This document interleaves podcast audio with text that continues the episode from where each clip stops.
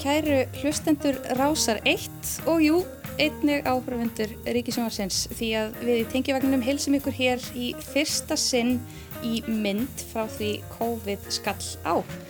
Þetta er jafnframt fyrsti þáttur haustsins af lestarklefanum sem er umræðu þáttur um menningum en hvað sem ákveðnum heimsfaraldri líður er þar af nægu að taka.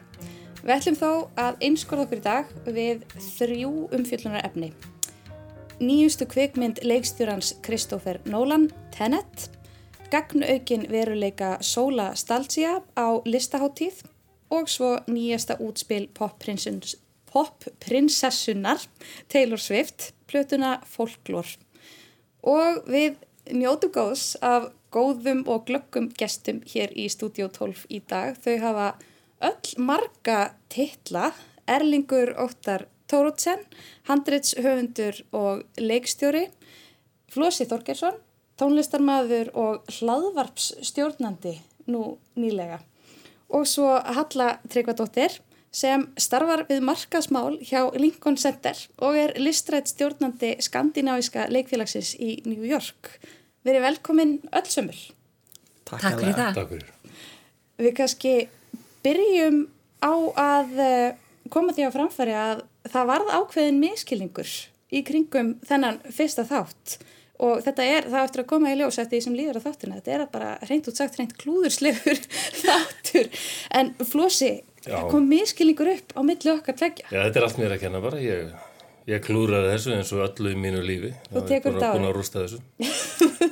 Ég átti sem sagt að vera búin að kynna mér alla þrjá hlutina sem við erum að fara að ræða hérna. Ég held að ég væri bara hérna sérstakur Taylor Swift, Swift sérfræðingur og ég geti bara séð hitt ekkert tíma setna en nei, ég er sem sagt ekki búin að sjá Tenet. Og hérna Solastalgia Solastalgia, við mitt Þannig ég lakka bara til að heyra hvað þið hafið að segja um það Akkurat. veit ekki hvað, ég get mikið tekið þátt í umræðinum um það. Má ég það eitthvað? Þú mátt, þú mátt það. þú mátt það svo sannarlega, við gefum þið full lefi til þess, en þið hinn þið eru búin að sjá uh, bæði Sólastaldsja, Tenet og hlusta á Taylor Swift, ekki satt? Mikið rétt. Þá getur þátturinn hafist, þannig að ég þurfa að vera með frekari einræður held ég, en við ætlum svo að byrja á að spjalla um kvikmyndina Tenet. Uh, Tenet er nýjasta kvikmyndin úr smiðju Kristófer Nolan. Spennumynd með þau John David Washington, Robert Pattinson Elizabeth Debicki held ég að maður byrja það fram Jú. í aðalhlutverkum. Þar sem hlutverk aðalhetjunar er að bjarga heiminum frá óræðum en ógnvænlegum óvinnum og örlögum. Uh, við ætlum að lefa áhörndum sjónvars að sjá stutt brot og ætli við heyrum í því. All I have for you is a word. Tenet It'll open the right doors. Some of the wrong ones too.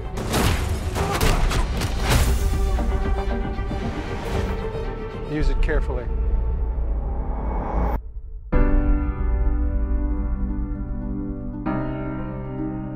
To do what I do, I need some idea of the threat we face.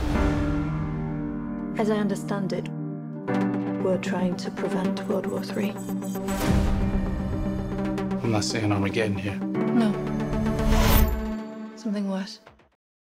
Já, þarna sáum við og heyrðum í uh, trailernum eins og þetta heitir, eða auðlýsingunni, fyrir Tenet, þessari kvikmynd Kristoffer Nólan. Áður en að við tölum ykkur sem að hafið séð myndina, þá er kannski rétt að spyrja, Flósi, þú eru ekki séð myndina, en þú ert mikill Kristoffer Nólan aðdánd. Já, mér finnst hann alveg frábær og hérna, ég held sem ég er búin að sjá flestar myndirnar hans Þetta, ég er búin að lesa tölur marga dóma um þessa mynd þannig að ég veit nú um hvað hún snýst og Við erum ekki er, að fara að spilla fyrir þér hérna nei, nei, nei, nei það er svo margt í myndunum hans að fylgjast með þessu mörgu öðru sko. mm -hmm.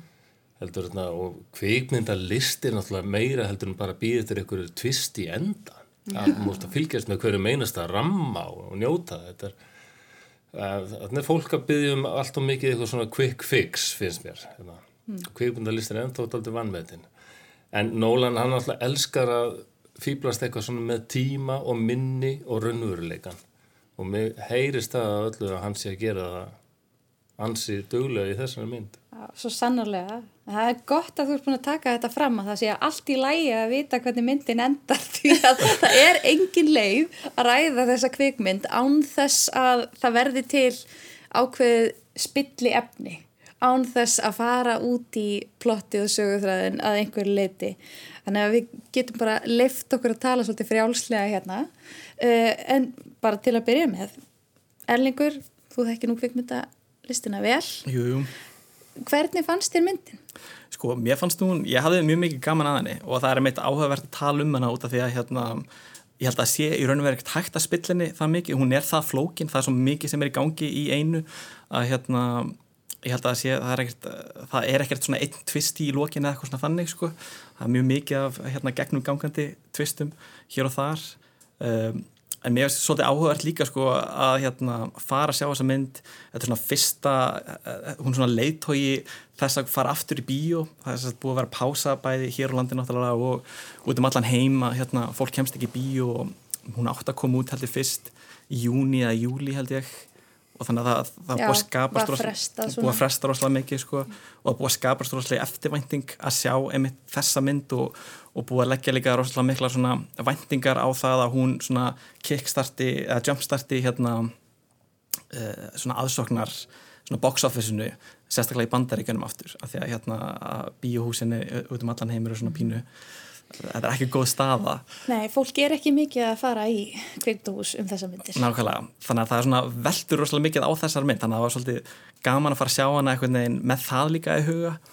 Og hérna, en eins og segja, já, ég hafði mjög mikið gaman að henni, ég veit ekki hvort að hún, ég myndi kalla hana svona eina uppáhalds Kristoffer Nóla myndinu mínum, en hún er alveg hérna sérstaklega þess verið að sjá í bíó, hún er algjör bíómynd, svona stór, hávær, uh, stórar pælingar, stórar svona, stórar tilfinningar, þannig að hérna, já, mæla alveg með henni þannig séð, sko. Já. Má ég frekast til að spyrja, áttu þér uppáhalds? Kristoffer Nolan mynd Uh, ég myndi segja sko það er örgulega sko annarkvært Inception eða Memento fyrsta, eða ekki fyrsta myndin hans en svona myndin sem komin á kortið um, já, ég myndi segja það, það er tvær og mér hefur fundist sko, mér fannst til dæmis Interstellar ekkert, hún var svo flott og gaman að sjá hann í bíó og allt það sko. En síðan sá ég hann aftur og þá fannst mér hún ekki beilinins halda vatni. Nei, sammála því. en hérna en mér finnst hann sko, Kristoffer Nolan er einn af fáum leikstjórum í Hollywood í dag sem að sem getur gert svona stóra myndir og svona stórar svona original myndir. Uh, og þess að hann er búin að búa til svona ákveð brandi kringum sig uh, þannig að það er, þú veist, það er alltaf spennandi að sjá hvað hann gerir næst og, og hérna, já, að hann gera svona, svona, svona, svona fullorðins hasarmyndir Fullorðis hasamyndir. Já. Mér finnst það skemmtileg lýsing. Hver var þín upplifun alltaf? Sko, í fyrsta lagi þá atna, var mjög svona hressand að fara aftur í bíó. Þetta var öðruvísi líka því að maður má ekki sitja í hvaða röð sem er og... Nei, það var reyndar sko, það var ekkert svona atna, búið að afmarka salin sem ég fór í. Já, ok. En ég held að það hefur líka verið að ég fór í örugla bara eitt stærsta sal uh, landsins. Þannig ég fór í Eilsöll og fór þanga í fyrsta sinn og það var mikil upplifun. og, og þar var hljóðkerfið þetta alveg sko, fullkomið fyrir þessa bíómynd og ég var auðvitað bara rosalega hrætt oft því að maður er bara vannur að horfa á atna, myndi núna á einhverju litlum tölvuskjá. Bara algjörlega búin að horfa allt og mikið á Netflix. En já, var rosalega gaman að þarna að sjá svona hasarmynd sem að um, er með sko já, svona er með allt þetta tímaflakk og allar þessar pælingar um sko hvernig þriðja heimstyröldin er kannski ekki endilega sko stríð eins og við þekkjum það heldur getur verið eitthvað allt annað. Og að um, svo fannst mér auðvitað svona undir lokin það verður nú svolítið svona að það er erfitt að fylgja eftir sko um, þessu tímaflakki og ég hef líka að lesa um það sko að um, hvað bara margir sko þekktustu og, og, og virtustu að um, kvikmyndagagnindur hafa bara verið algjörlega rugglar í rýmunu og þarna, en ég held að það hefur bara verið allt í lægi svona, en mér var svolítið sérstak hvernig hún endar svona eins og einhver þáttaserja. Hún endar svona byttu eftir því þegar við hittumst næst. Erum við að tala um hennar fræga cliffhanger? svona, Þetta, Næstu- já, þetta er alveg svona, Upplifun er smá eins og þetta sé klifangar já, já, það er svona sterklega að gefa í skina það sé meira, það, það, það eru fleiri sögur innan í þessum heimi sem að já, Akkurat. En síðan sko, mér finnst þið svona, þið eru svolítið jákvæð gagvöldmyndinni, uh, þið eru allavega enn sem komið er og nú ætla ég að slengja því hérna fram að það eru eins og oft gerist mjög skipta skoðanir um þessa mynd. Uh, og ég get sagt það frá mínum bæjardyrum, ég fór með mannu mínum á myndina og hún fannst hún geggjur. Og hann kom heim og bara fór ekki að sofa því að hann var á YouTube að skoða allar kenningarnar í kringum tímaflakkið og hann er búin að vera að segja mér hérna aftur og aftur eitthvað heyrðu, og svo náttúrulega þetta með pilluna í lokin sko, það er svona út af því að þetta og ég, já, Já. en af því að fyrir mig að þá mér fannst þetta, mér finnst mjög áhugaverð þessi flétta og það er auðvitað svolítið það sem að Kristoffer Nolan gerir svo mikið, hann býr til þess að fléttur þannig að maður skilur ekki myndina sem heildar verk án þess að hafa síðana kannski tvisvar, af því að maður þarf alltaf einhvern veginn að fara tilbaka. En ofan á þessari fléttu þá fannst mér bara ekkert vera neitt rosalega mikið. Nei. það var ekki það var rosalega flott falleg skot en leikur handrits samtöl svona það var kannski svolítið minna púður í það lagt einmitt, mér varst aðleikarinn alveg frábær. Mér finnst hann frábær, já. Hann fór með aðalhutverki í Klansmann. Black og, Klansman, já, já, Black Klansmann og Sonur Denzel Washington Já, og mér fannst hann alveg bara magnaður. Um, en svo, já, e- einmitt eins og segir, hún skilur ekki mikið eftir sig. Maður fer svona að hugsa, já, er hægt að búa til vél til að ferðast, þú veist, til framtíðar -hmm. og það er svona kannski það helsta sem maður hugsaður eftir myndina. En svo var bara svo gaman að fyrir bíó. ég bara, þú veist, ég eiginlega ég bara eiginlega get ekki sko meti mynd núna og ég bara get ekki meti listaverk núna því að bara það að sko sjá lifandi verk eins og ég fór aðna á fyrstu svona leiksýninguna eða svona verki vinslu síðan aðna í byrju mass núna bara um síðust helgi. Og ég hef bara ég hef sjaldan bara verið jafn bara snortin af leikhúsi.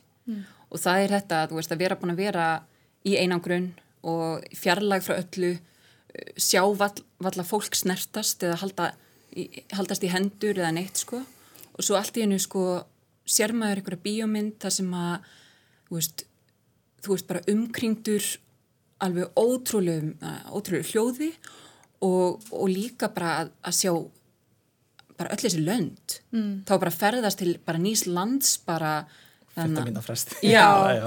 maður var alveg bara að býta, er það Tallinn, er það Danmörk, er það Vietnam, Ítalía, já, einmitt. En eh, sko, mér, ég er alveg sammála hérna, sko, eins og með samt að koma rosalega hérna, svona milli aksjónsenuna er, er mikið af svona hérna löngum samtölum sem oft sko snúast í raun og veru ekki um neitt annað heldur en að reyna svona útskýra annarkvort sko hvað var að gerast eða hvað er að fara að gerast. Og hérna og það hefur svona pínu svolítið líka loða við Kristoffer Nolan sko að hérna uh, þetta svona eins og maður slettir á henn sko svona exposition. Að að rosalega, að hann stundum ég veit ekki hvort að sko hann treystir ekki áhórundum til þess að fatta það sjálfur og það stundum sko er hann svona að, mata fólk Já. á sko hvað er í gangi. En hérna en áhugavert líka sko með hérna svona tilfinningarlegu þungamiðin í myndinni það er nefnilega, hún er ekki hjá aðalkarakternum, hún er eiginlega hjá aðalkvennkarakternum sem að, einmitt, Elizabeth Debicki leikur.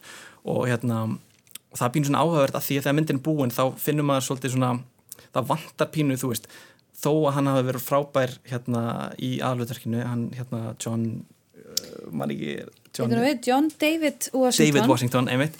Að hérna, að þú veist, maður veit eiginlega ekkert um hann þegar myndin er búin. Mm -hmm. svona, maður veit ekki eins og hvað hann heitir.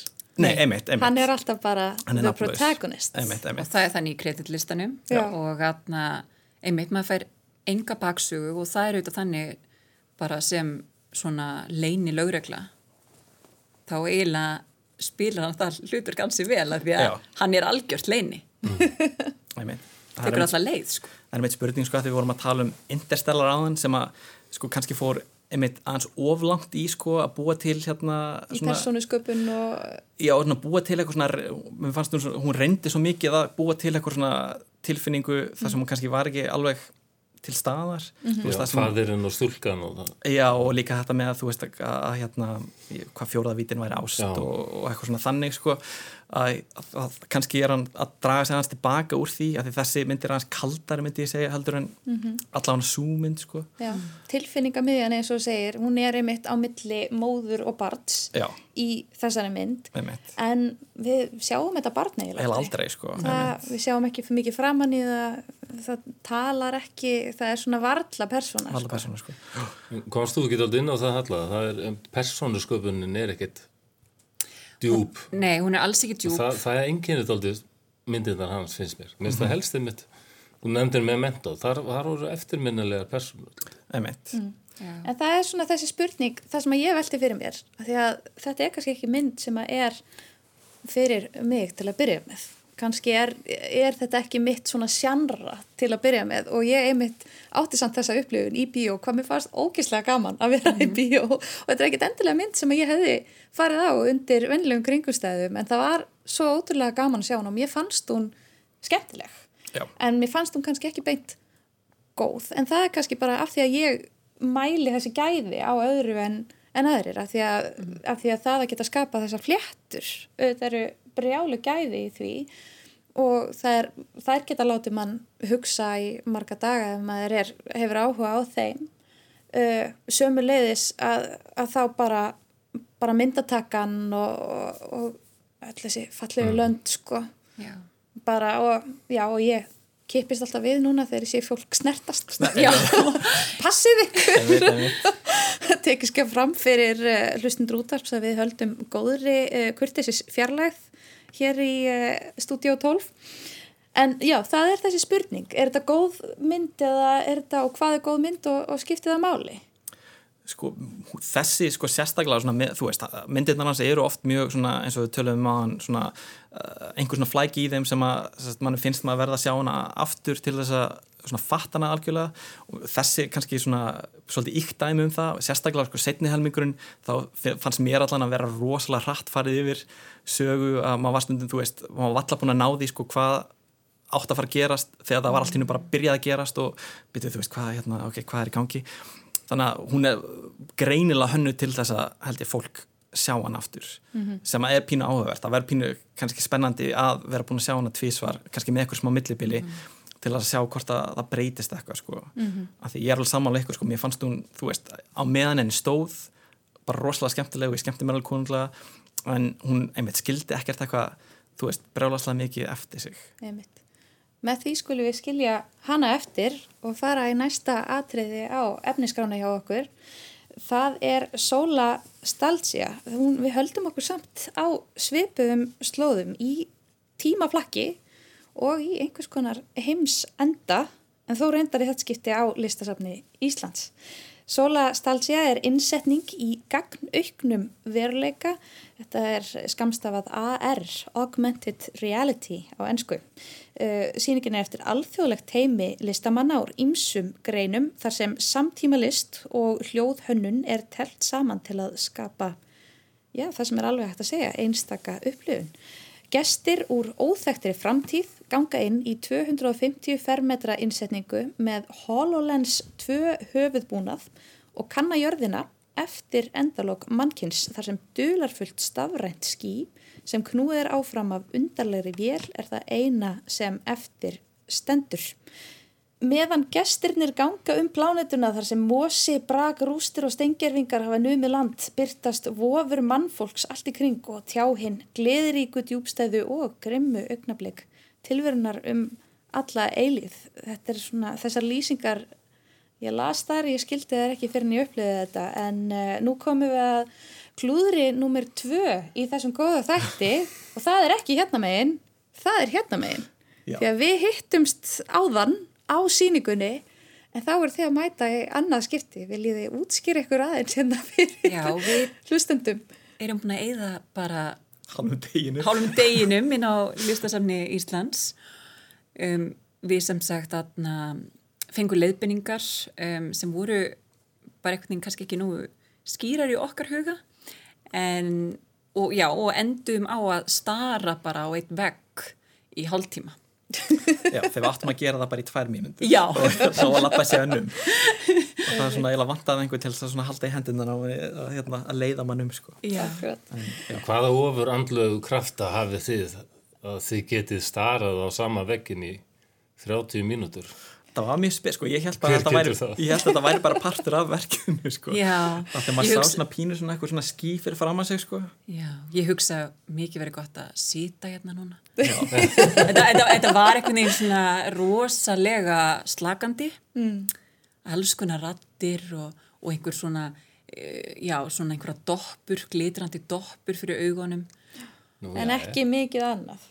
Nei, það var svona pínu dáliðandi. Já. En Já. síðan þegar að þið fóruð inn í annarskipti og þá fór ég mitt inn líka, þá var þetta svolítið öðruvísu og við fengum mjög góða leiðbenningar og, og þá byrja maður að fara þarna inn í þennan, já, þennan kassa sem að kemur manni áfram í framtíðina og þá getur maður gengið um rýmið, byrjar á því að fara og horfa þarna á einn vegg eða eina súlu sem stendur þenni miðunni í tværmyndur og svo byrjar maður að reyfa sig um og þá fara þessar vofur framtíðarinnar að byrtast. Halla þú sagðir að hérna áður en við byrjum þetta væri nú, við gætum nú tengt þetta við flósa samt af því að hann stýrir hlaðvarpi sem heitir Draugar fortíðar. Já, Jú, jú. En þetta voru ekki draugar fortíðar, þetta, eru, þetta er svolítið svona, það er svo fyndið að bæði tennet og þetta, þetta er, þetta er það sama, þetta er þetta tímaflakk sem að ruggla svolítið í manni, sko. Einmitt skilabóð fór á framtíðinni. Já, skilur búið að handan einhvern veginn.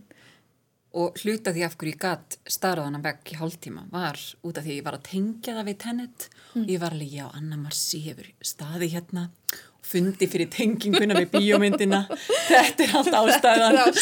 Já, en nei, þetta var ótrúlega áhugavert og atna, og skemmtilegt að labba um rýmið. Uh, eins og þú sagðir þá er þetta eins og ganga um í heim eftir heimsenda og ekki heimsfaraldur mögulega bæði.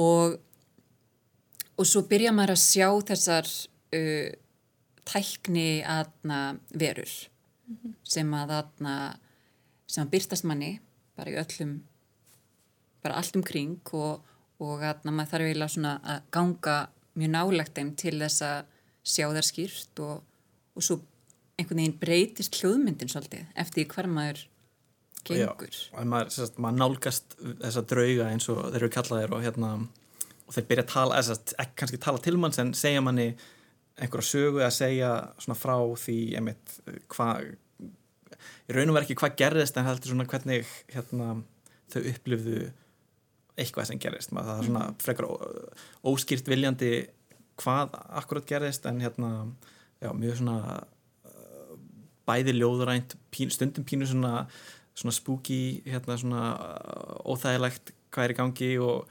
og margt hérna þú veist að mikið á svona myndmálum að fór að gera tengingar út um allt. Til dæmis ein sem ég held að hafa verið kona sem var með örgulega sko svona öndunagrímu og var alltaf að tegja sig í eitthvað ávexti á hérna trjám í kringum hana. Það var eplatrí. eplatriðið mitt Já. og hérna hún var mitt að tala um hérna, ég held að hún hafi sagt eitthvað að við erum mögulega síðasta parið á jörðinni þannig að maður fór að hugsa allt í um veist, Adam og Evu og þú veist, það var mikið á svona hérna, Vísunum svona. vísinum sko, sem eru mjög áhugaverðar. Þetta var, uh, þetta var einmitt, ég hugsaði svolítið að ég hef sendt þig á réttan stað sem uh, já, hryllingsmynda höfund ég, ég var einmitt að hugsa. af því að fyrir mig að lappa inn í þetta og ég hef með svo lítið hjarta sko, ég var hrætt á köplum, ekki hrætt hrætt, en það er svona þetta er óþægilegt stundum, já, af því að og, og þetta á ekkert endilega að vera þægilegt heldur. Og við mættum nú hópa skólakrökkum þegar við vorum að lappa út og ég hugsaði ú. En uh, hvernig fannst ykkur finnst ykkur verkið hafa hefnast vel, þetta er náttúrulega upprunalega held ég franst verk sem er síðan svona þýtt yfir á íslensku, hvernig fannst ykkur það takast? mér fannst það takast mjög vel og mér fannst rosalega skemmtilegt hvað um, hvað sko um, hljóðheimurinn um, hann auðvitað svona svolítið stýrði þessu en en eftir einmitt að hafa upplifað hljóðheimina mestu í, í fyrstu tilraun þá aðna bætti svo rosalega mikið við að hafa þessa verur og einhvern veginn að, að sjá reyfingarna líka og þetta er aðna um, dansöfundi verksins er, er Erna Ómarsdóttir og þetta maður alveg sér tengingar við hennar verk um, Varst þú ekki að tala um það áðan, Flósi? Tengingar Jú. hennar dansöfundarins við... Jú, ég, við hefum alveg unnið saman, ég og Erna ég, ég fekk að vera með í verkinu hennar hérna, Mysteries of Love á sínum tíma mm. og ég man að þar nefndum til dæmis bíómyndirnar hérna, Blue Velvet og Exorcist sem miklar, hérna, sem höfðu mikil áhrif á hana. Mm. þá var ég náttúrulega alveg seldur samstundis. Og hún var bara ekki búin að sleppa exun í exorcist, þá bara já ég er með ég er með. Ég hugsa ekki oft um danshöfund sem svona eitthvað sem að vinnur með svona, já svona creepy uh, reyfingar eða eitthvað svona óþægilegt sko. Nei, hún náttúrulega er með svona þessi öskur sem aðna í dansinu mennar mm -hmm. og þessar svona uh, já þessar reyfingar sem eru innblásnar af um, þungarokki sem aðna já, sem er mjög ábyrjandi í hennar verkum og ég atna, veit ekki hvort að þið sáu þetta en ég atna, mér brás svolítið í lókverksins fyrir að eftir að hafa síðan svona tölvugerða verur að þá allt í hennu sé ég bara mynd af mannesku ha? og hún var með svart hár og það sást ekkert í búkin á henni bara hendurnar og fæturnar og andlitið. Svo mingaði andlitið og allt í hún eins og það væri bara að hverfa. Og þetta var rosalega skríti eftir að hafa séð allar þessar aðna tækni verur Já, ég, ég sá það ekki, nei. Þetta er kannski einmitt til að tengja þetta aftur við tenet sko, kannski þarf maður að fara nokkur sinnum til þess að heyra alla sögurnar og sjá allt, ég held að maður get ekki séð allt sko. Nei. Ég, ég, ætla, ég sá þetta ekki. Nei, þetta er mjög brá mjög. Og þetta var alveg þarna leið mér þess að ég verði komin í draugahús mm -hmm. Ég hugsa þetta Er svona sterk, svona, þetta er svona post-apokalyptik sem að sletti ræðilega Já. Já. Já.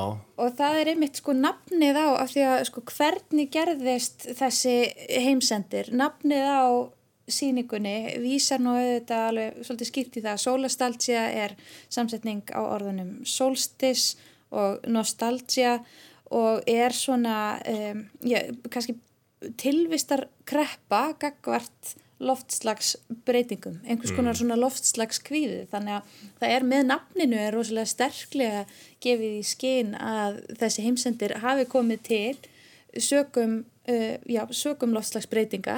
Það er líka gefið í skinn með einmitt gasgrímunni sem að voru, ég sá það á fleiri en einni personu að það er nákvæmlega það sem þú segir, ég hugsaði þetta mér langaði stundum bara að standa að kyrra á einum stað. En svo maður verður að fara maður verður að skoða, maður verður að ná fleiri sögum. Uh, en það er örglega maður að fara oft. Ekki eins og með Kristoffer Nóland þar sem maður kannski horfum á myndina tvísar, heldur bara aftur og aftur.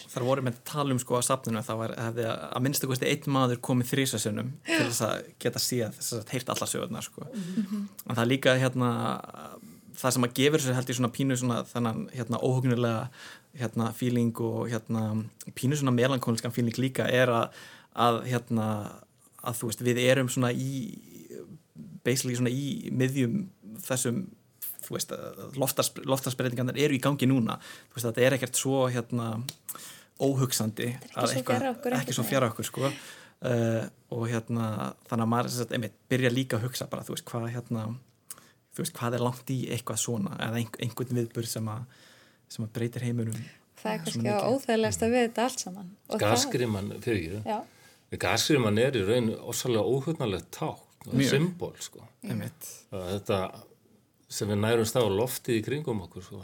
Það er ekki lengur eftir að treysta því að það sé í lagi með það. Mér finnst alltaf bara þetta óhugnarlegsta sem ég sé í bíomundum eða í lista, það er Garsíman mm -hmm. minnir líka á fyrri heimstyrjöldina og Garsið þar og svona. Virkilega óhugnarlegt. En þetta þema, það tengir okkur síðan aftur við Tenet. Því að loka, og það er allt út í gasgrímum, en síðan sko útskýringin á því af hverju, og hér kemur spillefni, góði hlustundur og áhörundur, af hverju fólkið í framtíðinni er að reyna að gera út af við heiminn. Skýringin er svo að fólkið í nútíðinni, í samtíðinni brást ekki við þegar á þurfti og árnar þurrkuðust upp. Haf, haf, yfirbor hafsins hækkaði og þannig að það tengir þessi tvö verk, það er þetta þessi svona að eh, þessi eyðing heimsins vegna náttúruhamfara nema reyndar að þá er fólki í framtíðinni sem er bara reyna eyðunum áður en að náttúru, náttúruhamfaranar eiga sér stað Einmitt. en sem að síðan er annað sem að ég hafði að svona að, fann að við þessa mynd Kristoffer Nólan er að góði kallinn segir já fólk gerir bara það sem það þarf til að lifa af að hverju stundu og það virkaði eins og mjög svona ódýr útskýring. En síðan var þetta, þetta verk aftur á móti að það kafaði talsvært dýbra að það er allavega tilfinningin. Einmitt, og, og einmitt í solstalgju þá er kannski tilfinningin meira sko þessi verið að vara okkur við. Á meðan hérna í Tenet þá er svona verið að hefna sín á, hérna, á því sem við erum að gera í dag Akkurat Algjörlega. Og maður fann líka miklu meira fyrir náttúrunni Já, í aðna solstall, Solastalgia. Solastalgia. Solastalsía Sólastalsja, já. Að maður fann einhvern veginn miklu meira fyrir náttúrinni þar og eh, sem er mjög áhugavert af því þar er maður í viðbútaveruleika og aðna já, einhvern veginn, mér fannst bara að maður var það var rosaleg rigning aðna og Jafnvel snjókoma já, snjókoma. Auðvitað þetta stóra tré. Já, það er svolítið áhugavert, það er alveg satt því að það er í þessu þarna þar sem að eyðingin er allt um kring er samt koma spilar náttúran þetta stóra hlutverk sem hún gerir í rauninni ekki í einmitt. Náttúran er ekki persóna sem slík þó að það komi síðan í ljós að myndin hverfist um hana á einhvern nátt. já. Það er áhugavert. Notilega í Tenet sko náttúrulega miklu meira bara notu sem svona, svona eye candy bara svona Já. í bakgrunnum sko en aldrei einmitt, það er aldrei eitthvað farið mm, dýbra í það þar sko, það er meira svona bara eins og einhver auðlýsing fyrir ferðarskristofu einmitt fyrir hérna bara hér eru Amalfiströndina og Já, og bara legðu þessa snekju og Já. Prófaði svona bát. Já, Hún var mjög bondleg. Já, nákvæmlega, einmitt Akkurat. Því ég held að það sko, hérna, við við hefum kannski að tala með áðan en hérna, það var held ég alltaf sko viðlóðandi við Kristoffer Nólan, ég held að hún hafi verið bóðið að gera bondmynd á einhverju tímabili en hann neitaði því, var náttúrulega búin að gera Batman myndirna sem eru svona, á- svona ofurhetju bond næstuði og síðan er hann núna einhvern veginn í dag að gera sína reygin svona, Bondmyndir eiginlega, já, svona pínu, já, Akkurat. En Sola Stalsja, ég held að við getum alveg mælt með henni sem upplifun. algjörlega alveg, algjörlega og hérna, já, og bara og minna fólk á að, að ráfa þeim sem ekki standa kjurt á, Já. á. Mitt, ég mæli með því fyrir fólk með svona lítið hjarta eins og, eins og ég að taka með sér vin. En þeir eru sem sagt með svona virtual gleruðu á höstunni. Og eru þið ekki trættum að sé eitthvað á gólfinu sem þið sjáu ekki að því að þeir eru með svona gleruðu höstun og þeir bara dettið um það og hérna, svo brjótið þessi gleruðu sem kosta 560.000 krónur eða meira. Þau vöruð okkur við sko þegar við fórum fyrst inn að hérna, að passa okkur á að það væri smá möl á gólunni að hérna, ég meit þetta ekki sko. Nú er það, ja, Já. ég get ekki farið að þetta. Ég, ég býja, já, ef ég finn einhvers þar hillinsmynd í einhverju sem er að fara að gerast þá, þá, þá býja það til sko. Já. Nú erum búin að sjá að þarna, þarna getur allt farið til helvítis og þá bara verð ég að halda mig fjarið því. Eða þú bara stendur og starir á Já, svona. ég held allan ég gæti það, ég held að hljómaði eins og bara ver, maður verið að horfa á málningu þorna sko. en, en þetta var greinlega aðeins meira spennandi. Þið voru kannski aldrei í gýrnum líka út af því að þið voru búin að sjá Nólanmyndina fyrir það ekki Jú, Jú. ég var mjög mikið svona að rýna í þetta verk út frá, út frá, Út frá því. sko. Já, En það er spurning hvort við getum rýnt í eh, næsta verk út frá þessum tveimur eh, verkum. Ég er ekki viss, en uh, því við hverfum aftur til nútímans, þó kannski er ákveðin fortíða þrá í, í þessu eða allavega skýrari sín á fortíðina uh, í nýri plötu Taylor Swift, Folklore. Þetta er áttuta stúdíóplata Swift sem hefur hingað til verið popprinsessa Mikil en á þessari plötu kveður við nýjan tón. Indie fólk, uh, allt rock, elektrofólk, chamber pop, þetta eru allt orð sem ég fann á netinu til þess að lýsa þessari plötu og við ætlum að fá stutt brot úr einu læginu.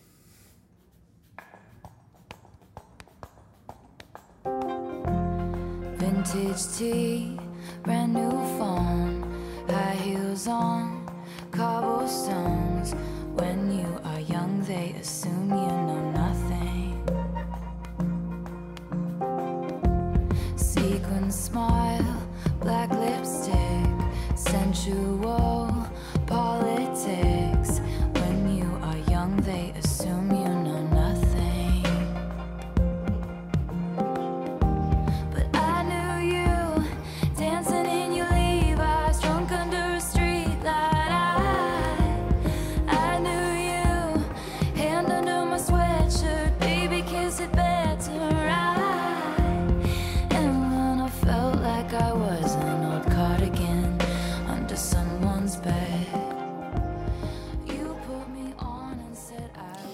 Já, þarna heyrðum við brot úr læginu Cardigan sem ég held að sé annað lægið á plötunni Folklór.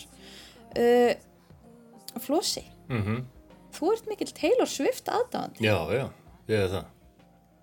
og vart svo aðdáðan komin til áður en Folklór kom út? Já, já. Ég held að það hef bara byrjað með hérna Red sem kom út 2012 eða eitthvað svo leiðis. Ég, ég, ég er náttúrulega, ég er 52 ára og hérna er tónlistamæður og maður verður einhvern veginn að fylgjast með og það er svo auðvelt nú til dags. Þannig að það er engin afsöngum fyrir fólk að vera bara orðið og gamalt fyrir eitthvað. Það er ekkert, er ekkert mál að sjá hvað er vinsalt núna og bara fara á Spotify og hlusta. Það er ekkert mál. Og ég gerði það bara sínum tíma þegar allir voru að tala um þess að Taylor Swift og yfirleitt mjög niðurhandi og neikvæðum tón. Þetta var einhver ömuleg svona, svona sápukúlu fróðu stelpa einhver og þetta var, ekkit, þetta var ekki músík og alltaf þetta venjulega töð sem allir kom alltaf með. Og ótrúlega eh, hvað fólk getur verið niðurandi í garð poptólistamanna, ég er alltaf hérna eins að því. En hérna hún alltaf verður óbáslega fræg og hérna og það er kannski þegar það gerist þá hérna er stór hópur fólk sem bara já svona hárin rýsa einhverju hluta vegna, ég meni ég var þannig allavega, ég veit það. En svo fór ég bara að hlusta á hana og þá samfærið sér mjög fljóttum að þetta væri bara alveg listamæður tekstarnir eru mjög góðir og hún, mér finnst hún vaksa með hverju plötu, hún er óhrætt við að prófa eitthvað annað sko. Og svo semur hún þetta sjálf og er bara mér finnst hún bara mjög flott Þetta er náttúrulega mjög ólík plata því sem hún hefur verið Já, að gera áður því að hún uh, svona en, en áhugaverð á þessum tíma. Uh, við kannski förum aðeins betur út í það eftir eða kannski þið núna Halla, þú varst ekki búin að hlusta á plötuna þegar að við spjöldum fyrst saman. Nei, ég er rosa þakklátt fyrir að hafa fengið þetta verkefni. Já. Ég bara hefði líklega, já, allavega mjög seint hlusta á þessa plötu og ég hafði eitthvað svona heyrst að hún hefði gefið út aðna plötu skyndilega og aðna, en ég vissi ekki að það var í samstarfi við aðna, Aron Dassner hérna, úr The Já, National. úr, úr The National og þú veist að Bon Iver væri þarna með eitt lag og þú veist, mér fannst það rosa bara merkilegt þegar ég komst að því. Og svo fór mér að hlusta og, og þá þurfti ég eiginlega svona þurfti að- fara á YouTube og hlusta á gömlu lögin því ég var bara, byrju, er, er hún búin að vera að gera þetta allan tíman? Er ég búin að vera að missa svona mikið af? Þannig að þarna, mér finnst þetta rosalega skemmtilegt að hún sé að koma með þetta og, og stórt skref fyrir hana. Einmitt. Ég er einmitt sko líka hérna, frekar mikill Taylor Swift aðdæðandi, alveg búin að vera einmitt síðan Red líka og hérna þannig að ég hlustaði á folklór bara daginn sem hún, sem hún droppaði. Og hérna og, og fannst mjög góð. Og þetta er svona mjög hérna góð svona haustplata svona sem maður setur á þegar svona fara að kólni verið. Þannig að mjög viðhandi akkurat núna á Íslandi.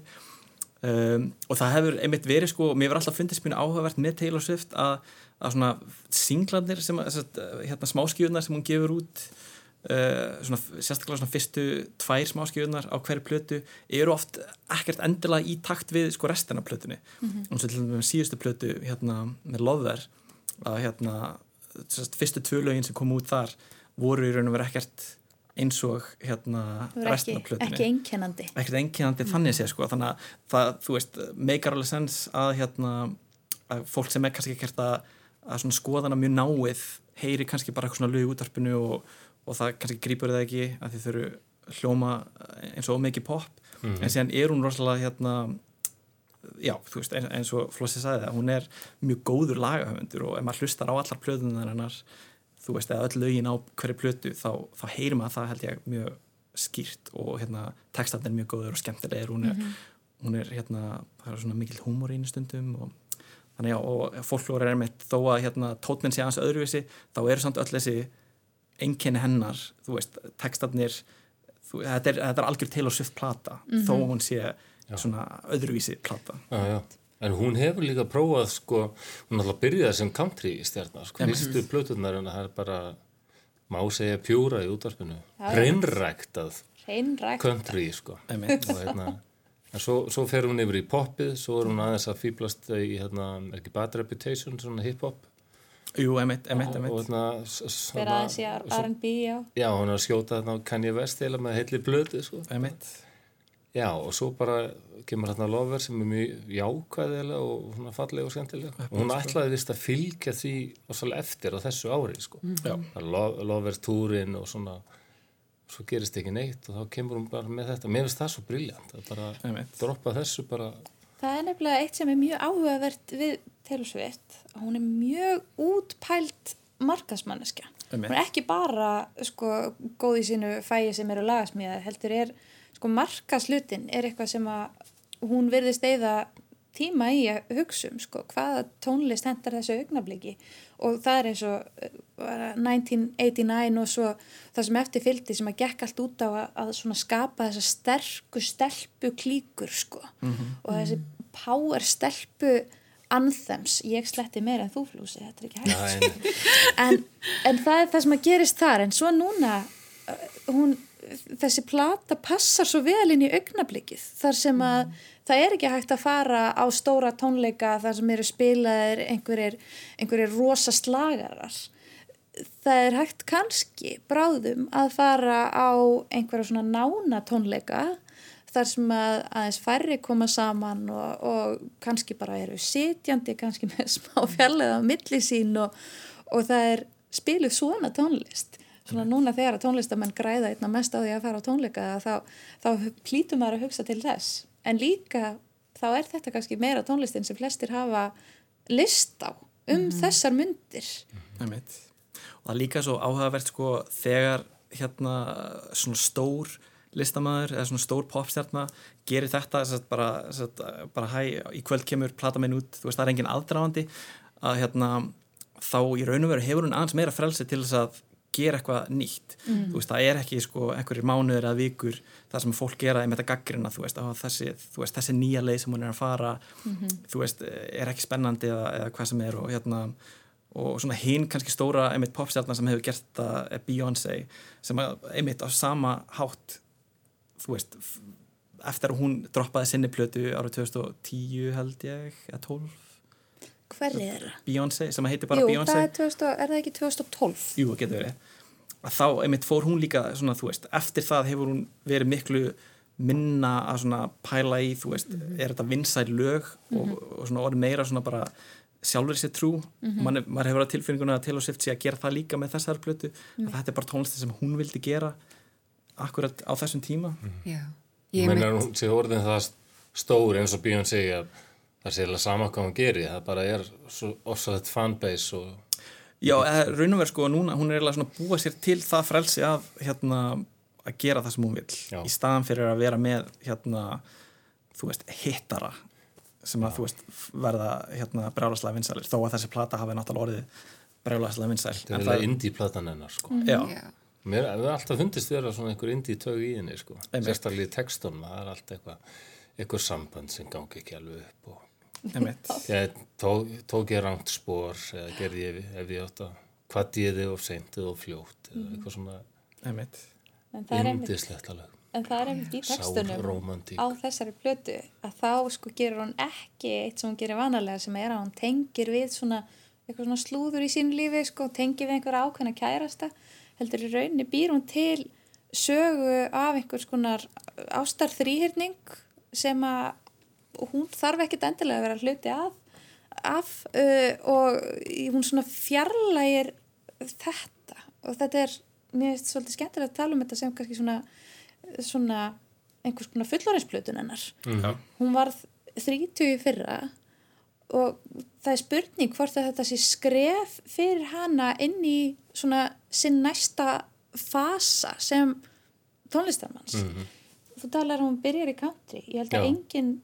Engin tónlistarmæður flakki jafn mikið á milli stefna og, og uh, Taylor Swift Já, svona af þessari stærðagráð, Já. sérstaklega. Já, nei, ég held ekki, sko. Já, hún er daldur gaggrind, sko, að nú sé hún bara stæla Lana Del Rey, mér finnst það svona frekar ósangjör gaggrinni, sko. Mm. Mér finnst þetta góð plata, mér finnst þetta vel samin lög, flotti textar og bara, Og þetta er löngplata. já, Já. Mér finnst þetta alveg aðna rosalega metnaðvilt verk og það sem að mér finnst skemmtilegt við þetta er að hún átt að vera að túra mm. með nýja plötu og aðna er í sókví eins og allur heimurinn og aðna og e einhvern veginn kemur með þetta verk sem að er rosalega þakklátt verk fyrir marga sem eru heima og eru bara leiðir og hafa kannski bara ekki einmitt eins og þeir eru búin að segja list á poppi eða einhverju sem er ofrest en en svo fyrir svo spennandi að sjá hvað gerist sko þegar að tónleik þegar stóru tónleikarnir fara aftur veist, á, á stjá sko. Einhvern veginn, hvað, hvernig mix verður á, á tónleikunum hennar Já, það er undarlegt að heyra Cardigan og svo hérna Shake It Off. Já. saman.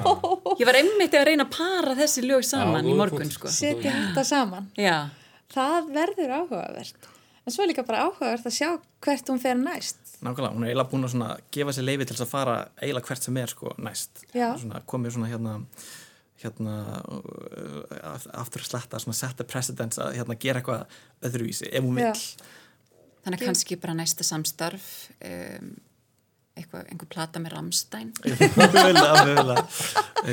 Vá, Svona reyðplata. er það ekki? það væri svo rosalegt. maður. Ég held að það sé næ, á næsta ári við skrifum henni Off. Já, er það ekki? Það er kannski hægt að fá hann til Íslands og að ræða við ham og eitthvað. En Já, það er, er það er ekki? velkomin maður. Er það ekki? Já, já.